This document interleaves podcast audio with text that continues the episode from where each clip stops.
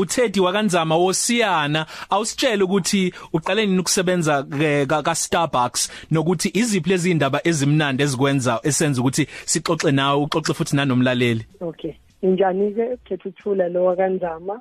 Sakwamashu nqanqaweni eh khetha ukuthula iqala ukusebenza eStarbucks.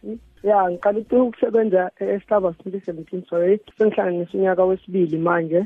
Ngino Starbucks sebenza Starbucks Florida Road. Eh yeah so bekunama competitions ade khona. Usukele nje khona la kwaZulu Natal store level kwa regional kwazoba national and then kwase kuzoba i world the international.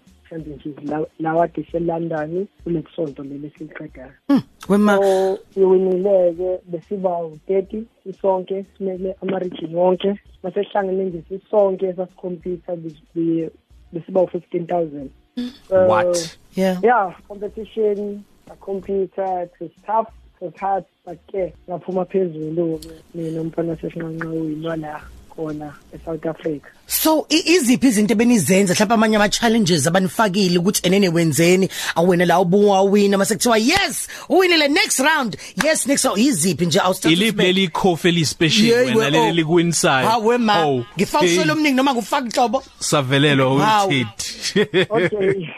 So bekunama bekune basket ade siyenza nathi senza khona ama drinks awu 4 ase Starbucks okuyi caramel macchiato kuyi cappuccino i latte ne flat white. So buwenza lawo ma drinks lawo and then uchazela ama judges ukuthi eh ahlukene ngani lama drink kunala amanye and nanokuthi eh le cappuccino yona injani flat white injani. So uchaza lezo zinto ekanjalo and then iround lesibili kwazoba i-coffee tasting. So lapho beyi-lucky dip so it's blindfolded uphikha ikhofi nje like just a regular uvalo uvalwa amehlo? Uvalwa amehlo yes. Bese? So, aba ababekile amabhek uphikha ikhofi and then uzophikha ikhofi unuka ikhofi bese uyasho ukuthi ilona liphi lelo khofi oliphikile and then bese wenza i-coffee tasting. So mina wow. ikhofi engiyiphikile kube i-house blend and then ngase ngenza i-coffee tasting. So uma wenza i-coffee tasting la uchaza khona uh, about i-coffee i-story behind lelo coffee ukuthi likhulele phi lakiphi growing region because ne-Africa Latin America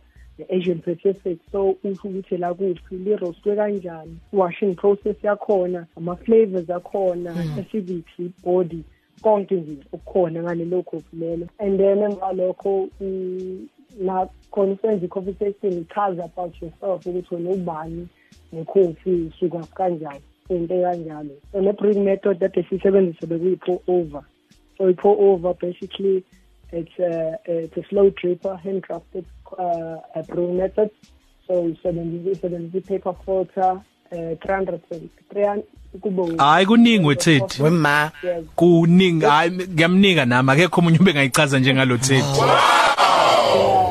awukazi ucabanga nje ukuba umenzi wecoffee komawoti kanje thethi ah ukuthi mina okungijabulisayo nanokuthi ngiyakuzamela fro ngibonile njengamanje eh inje emnyama njengami sebezoqala or sebeyabona ukuthi ikhona i-career behind i-coffee izinto ade singayinakile abantu bebazi ukuthi nje eh mawenza ikhofi usebenza ekitchen usebar wenza le nomsebenzi lo kanti abazi ukuthi kuningi behind ikhofi yeah so mina ngiyajabula ukuthi ngiwinele eSouth Africa le trophy le ngabuya na ekhaya.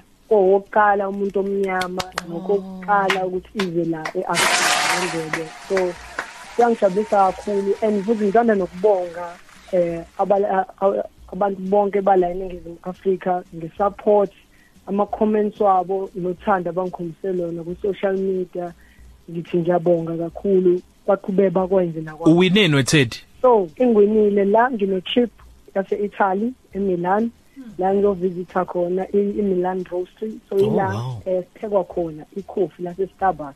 Mhm. so lithi maliphuma phandle wamazi liqale khona emilan roastery ila ngiyakhona ngiyovisitha futhi nendawo la kwakhiwa khona imishini yekhofi ebayibiza isinamel so la uthola khona aboma black eagles imishini and then bese kuzoba i-trip yase-rwanda. So la sengivashela khona i-farm i-coffee farm laba elitshala khona elikhulisa benza yonke into before lize lifike ey'tolo. Wow wow. And then awuzicabanga the- wetedi Travela, mm. awuzicabanga uneyakho i- i-franchise ka Starbucks ngelinye ilanga? One day ilokho engingakusho one day nizoba nje soba nento yethu. Eh sengingasasho nge-starbucks engikhuluma ngami personally one day. Oh. Uneminyaka mingako Tedi ina 27 yo usamncane. Usemncane. Ukephi njengamanje we oh. Isekhaya kwamasho hayi indlela idlula lapho vele mangikhudwa ngikhaya Eh, eMawuta, angithi bengithi ngiyakuzamela. yebo uzongenzela ikhofi special siyabonga Teddy. Wow man. Wow. Siya- siyakhalalisela akubonga mina so if guys ngifuna ukufuna le experience no nokubona nifike nje oh welcome e-starbucks e-florida road ngizongithola khona ngikhona every day. Ukhona ku social media? Ah ngikhona uTeddy eh ukhetha ukuthula Teddy on Facebook ku Instagram teddy1. Teddy T E double D Y okay. Dot 1 is Teddy bese ubovu number 1 dot tk on Instagram. And then Facebook ukhetha ukuthula Teddy. alright aba baningi abazomcela benzele ikhofi manje hey siyabonga kakhulu Teddy Ah kubonge mina kubonge mina mfethu. bye darling wosiyana Okay bye bye. Coffee Cafe. Ilunch yakho ayifani neyizolo.